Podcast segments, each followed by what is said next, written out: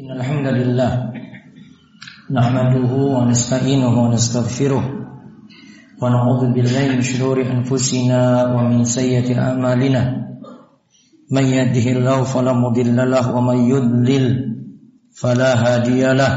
وأشهد أن لا إله إلا الله وأشهد أن محمدا عبده ورسوله صلى الله عليه وعلى آله وأصحابه ومن سار على نهجه القويم ودعا إلى الصراط المستقيم إلى يوم الدين وسلم تسليما كثيرا اللهم علمنا ما ينفعنا وانفعنا بما علمتنا وزدنا علما وأرنا الحق حقا وارزقنا اتباعه وأرنا الباطل باطلا وارزقنا اجتنابه أما بعد معاشر المسلمين رحمني ورحمكم الله Segala puji kita panjatkan pada Allah yang memiliki nama dan sifat-sifat yang sempurna. Yang Allah itu pantas dipuji karena telah memberikan kita berbagai macam karunia dan nikmat. Di antara bentuk syukur kita, kita diperintahkan untuk menjalankan ketakwaan kepada Allah.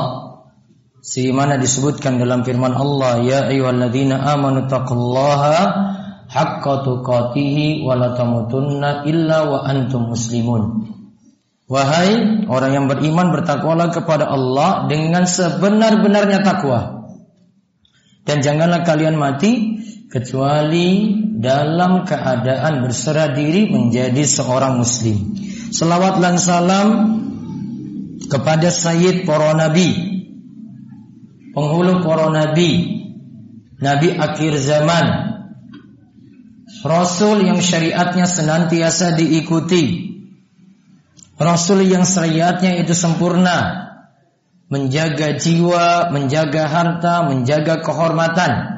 Yaitu Nabi besar kita, Nabi Agung Muhammad Sallallahu Alaihi Wasallam.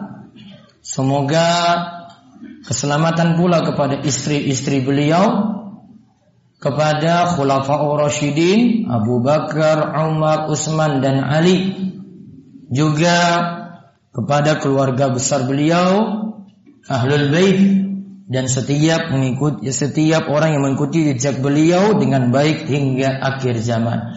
Ma'asyiral muslimin rahimani wa rahimakumullah. Di penghujung bulan Zulhijjah di akhir tahun 1440 Hijriah Sebentar lagi kita akan masuki bulan yang mulia yaitu bulan Muharram. Bulan Muharram Nabi Shallallahu Alaihi Wasallam menyebutnya dengan Syahrullah. Afdalus Siyam Ba'da Ramadan Syahrullahil Muharram. Sebaik-baik bulan untuk berpuasa setelah bulan Ramadan setelah puasa Ramadan yaitu di bulan Allah bulan Muharram. Bulan Muharram ini disebut juga dengan bulan haram.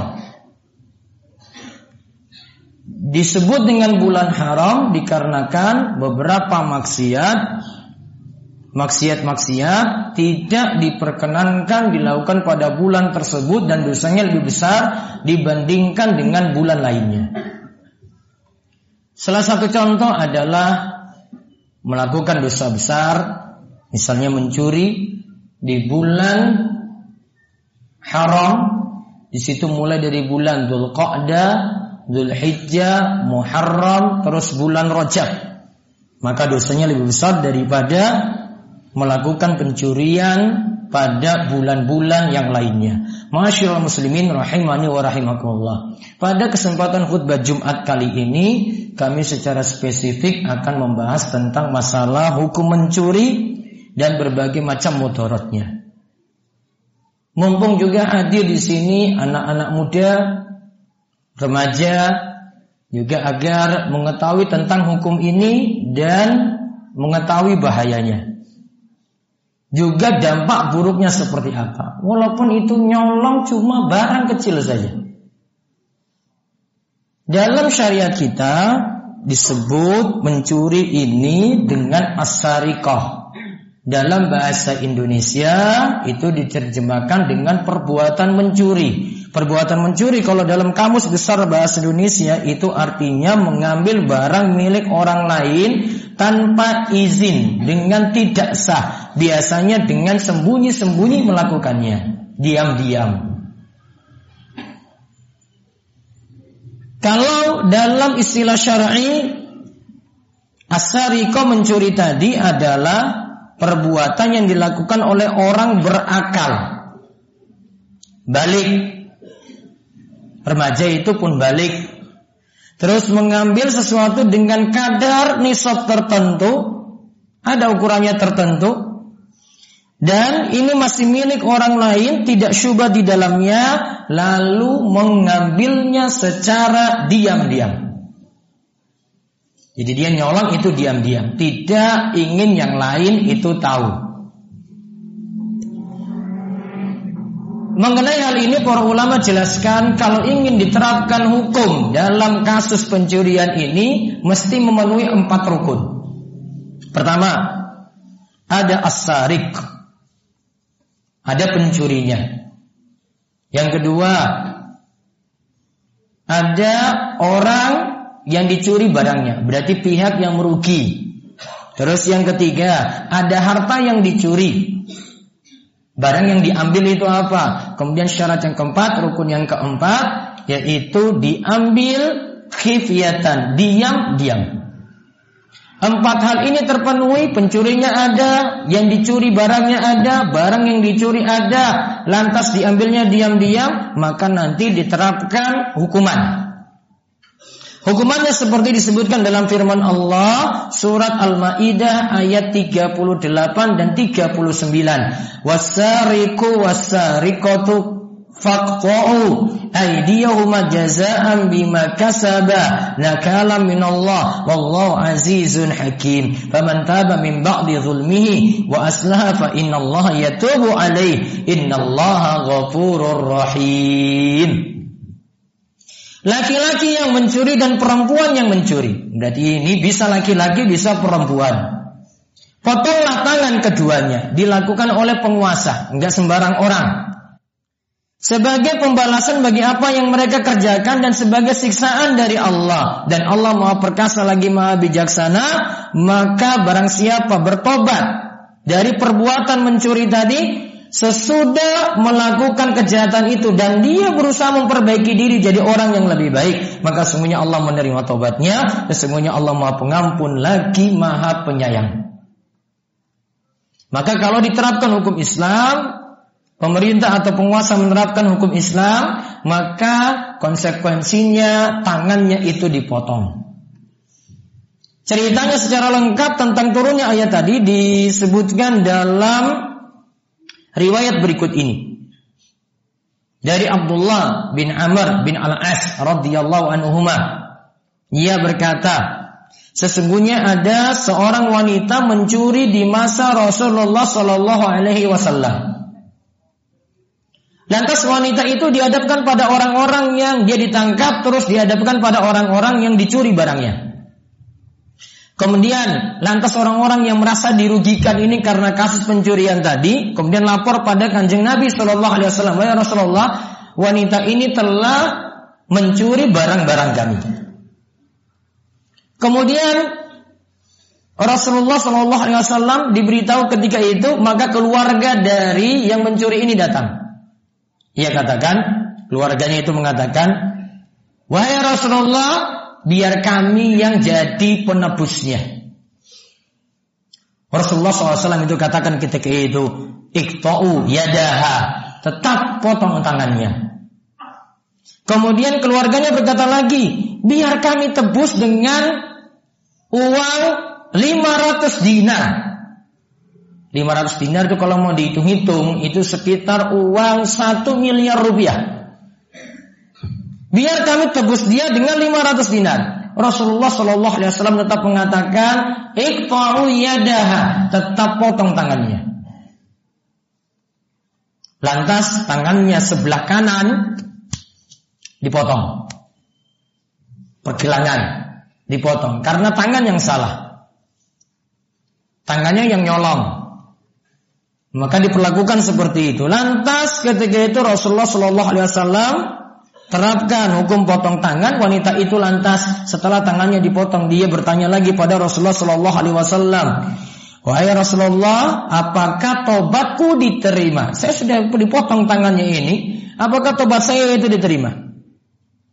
Maka Rasulullah SAW menyampaikan, Naam, antil yaum min khati'atiki ka yaumi waladatka ummuki. Pada hari ini dosa-dosamu terhapus sebagaimana engkau itu baru saja dilahirkan oleh ibumu. Berarti dengan potong tangan tadi dosa-dosanya terhapus. Berarti yang pertama itu tadi kesalahan, dia jalani hukuman ini, tobatnya kalau dia memang sungguh-sungguh, maka tobatnya diterima, namun potong tangan tetap dilakukan. Maka turunlah firman Allah yang tadi disebutkan surat Al-Maidah ayat 38 sampai 39 disebutkan dalam akhir ayat faman taba mim ba'di zulmihi siapa yang bertobat setelah berbuat zalim nyolong barang orang lain itu zalim. Wa aslaha dan berusaha memperbaiki diri nggak nyolong lagi Fa inna Allah yatubu alaihi, maka Allah menerima taubatnya. Inna Allah ghafurur rahim. Sesungguhnya Allah itu Maha Pengampun dan Maha menerima taubat. Nah, tentang hal lain lagi, ini tanda kalau orang itu memperbaiki diri, Allah akan menerima taubatnya. Ada juga hadis dalam Musnad Imam Ahmad disebutkan dari Abu Hurairah ia berkata bahwa ada seorang yang pernah mendatangi Nabi SAW ia mengatakan bahwa ada seseorang yang biasa sholat malam namun pagi harinya itu dia mencuri. Biasa sholat malam, biasa sholat tahajud namun pagi harinya itu nyolong. Maka ketika itu kalau memang dia itu ibadahnya itu ada Rasul katakan innahu sayanhahu mayakul. Biarkan saja nanti sholatnya akan merubah kebiasaan jelek yang ia itu kerjakan. Karena dalam ayat Al-Ankabut disebutkan inna sholata tanha anil fahsya'i wal mungkar. Sesungguhnya sholat itu dapat mencegah perbuatan keji dan mungkar. Namun yang jelas perbuatan tadi salah. Islam tidak membolehkan hal tersebut. Maka para ulama sampai menggolongkan Imam Azhabi dalam kitabnya Al-Kabair menuliskan dosa nomor urut 21 itu adalah mencuri. Berarti masuk dosa besar. Imam Ibnu Katsir rahimahullah mengatakan bahwa hukum potong tangan tadi sudah berlaku sejak zaman jahiliyah. Lantas ketika Islam datang, Islam cuma menyetujuinya saja ditambahkan dengan syarat-syarat.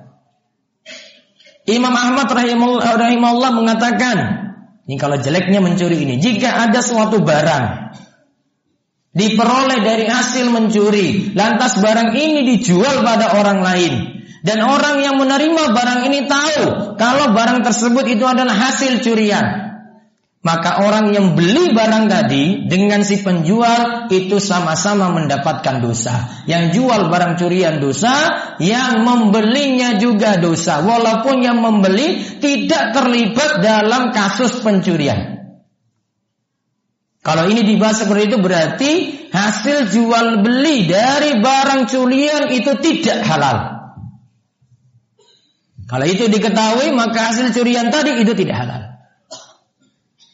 Adapun para ulama terakhir menerangkan tentang mudaratnya, bahayanya kebiasaan mencuri. Jadi adik-adik ini butuh paham ini. Apa ini bahayanya? Kok sampai Islam itu melarang kita ngambil barang orang diam-diam? Nyolong sendal, nyolong poin, teman yang punya sesuatu yang berharga diambil gitu. Kenapa sampai Islam itu larang? Yang pertama, mencuri itu meniadakan kesempurnaan iman seseorang. Imannya tidak sempurna. Yang kedua, mencuri itu masuk dalam dosa besar. Yang ketiga, mencuri itu menunjukkan kehinaan. Orangnya itu hina, nggak punya harga diri. Yang keempat, mencuri itu membuat orang lain kalau kumpul-kumpul dengannya selalu pergi dari situ. Ah, nanti barang saya nanti dicolong juga. Kemarin aja barang teman saya diambil diam-diam. Paling ini juga sama. Yang kelima, mencuri menyebabkan hukuman di akhirat. Sedangkan di dunia penuh aib. Kalau itu ketahuan, aib di masyarakat. Setiap orang kali ketemu dia, oh ini yang nyolong kemarin ya ini ya. Kalau ini di sekolah, oh ini yang nyolong kemarin ya, aib di sekolah.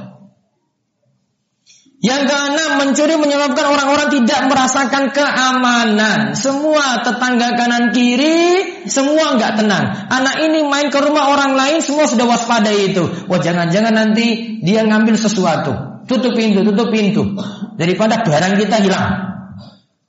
Lalu yang terakhir, yang ketujuh, doa para pencuri itu sulit dikabulkan oleh Allah. Dikarenakan ini dosa di antara penghalang doa itu terkabul karena ada dosa dan maksiat lebih-lebih lagi dosa besar. Apa solusinya kalau gitu biar tindakan ini tidak kita lakukan takut pada Allah. Dan kita juga merasa bahwasanya ini kalau barang saya dicuri juga saya nggak terima maka nggak boleh nyolong barang orang lain. Maka perlakukan seperti kita memperlakukan diri kita. Kalau barang saya hilang, saya terima nggak? Oh enggak. Maka barang orang lain nggak saya nyolong itu diam-diam. Kalau adik-adik kaum muslimin, bapak-bapak yang hadir pada khutbah Jumat tahu kalau kepentingannya seperti itu manfaatnya, maka hak orang lain tidak mungkin dia langgar.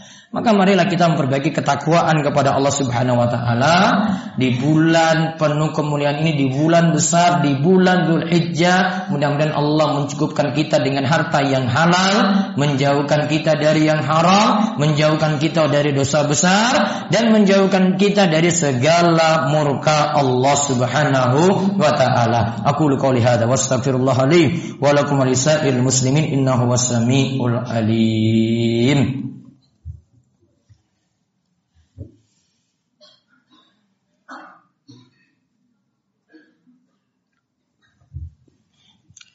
Alhamdulillahi Rabbil Alamin Wassalatu wassalamu ala ashrafil anbiya wal mursalin Nabiina Muhammadin wa ala alihi wa sahbihi ajma'in Ya ayuhan nasu taku Rabbakum alladhi khalaqakum min nafsi wahidah Wa khalaqa minha zawjaha Wa batsa minhuma rijalan kathiran wa nisa'a Wattaqullaha alladhi tasa'aluna bihi wal arham Inna allaha kana alaikum raqibah إن الله وملائكته يصلون على النبي يا أيها الذين آمنوا صلوا عليه وسلموا تسليما. اللهم صل على محمد وعلى آل محمد كما صليت على إبراهيم وعلى آل إبراهيم إنك حميد مجيد. اللهم بارك على محمد وعلى آل محمد كما باركت على إبراهيم وعلى آل إبراهيم إنك حميد مجيد. اللهم اغفر للمسلمين والمسلمات والمؤمنين والمؤمنات الأحياء منهم والأموات إنك السميع قريب مجيب دعوة ربنا لا تزغ قلوبنا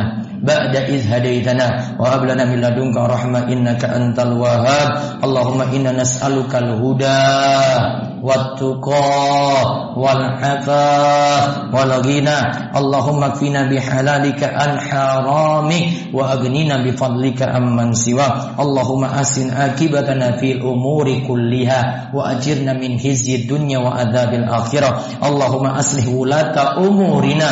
Allahumma lima fihi صلاحهم وصلاح الاسلام والمسلمين اللهم ابعد عنهم بطانه السوء والمفسدين وقرب اليهم وأكرم أهل الخير والناصحين يا رب العالمين ربنا هب لنا من أزواجنا وذريتنا قرة أعين واجعلنا للمتقين إماما ربنا آتنا في الدنيا حسنة وفي الآخرة حسنة وقنا عذاب النار وصلى الله على نبينا محمد وعلى آله وصحبه ومن تبعهم بإحسان إلى يوم الدين wa akhiru da'wana anil hamdulillahi rabbil alamin. Aqimussalam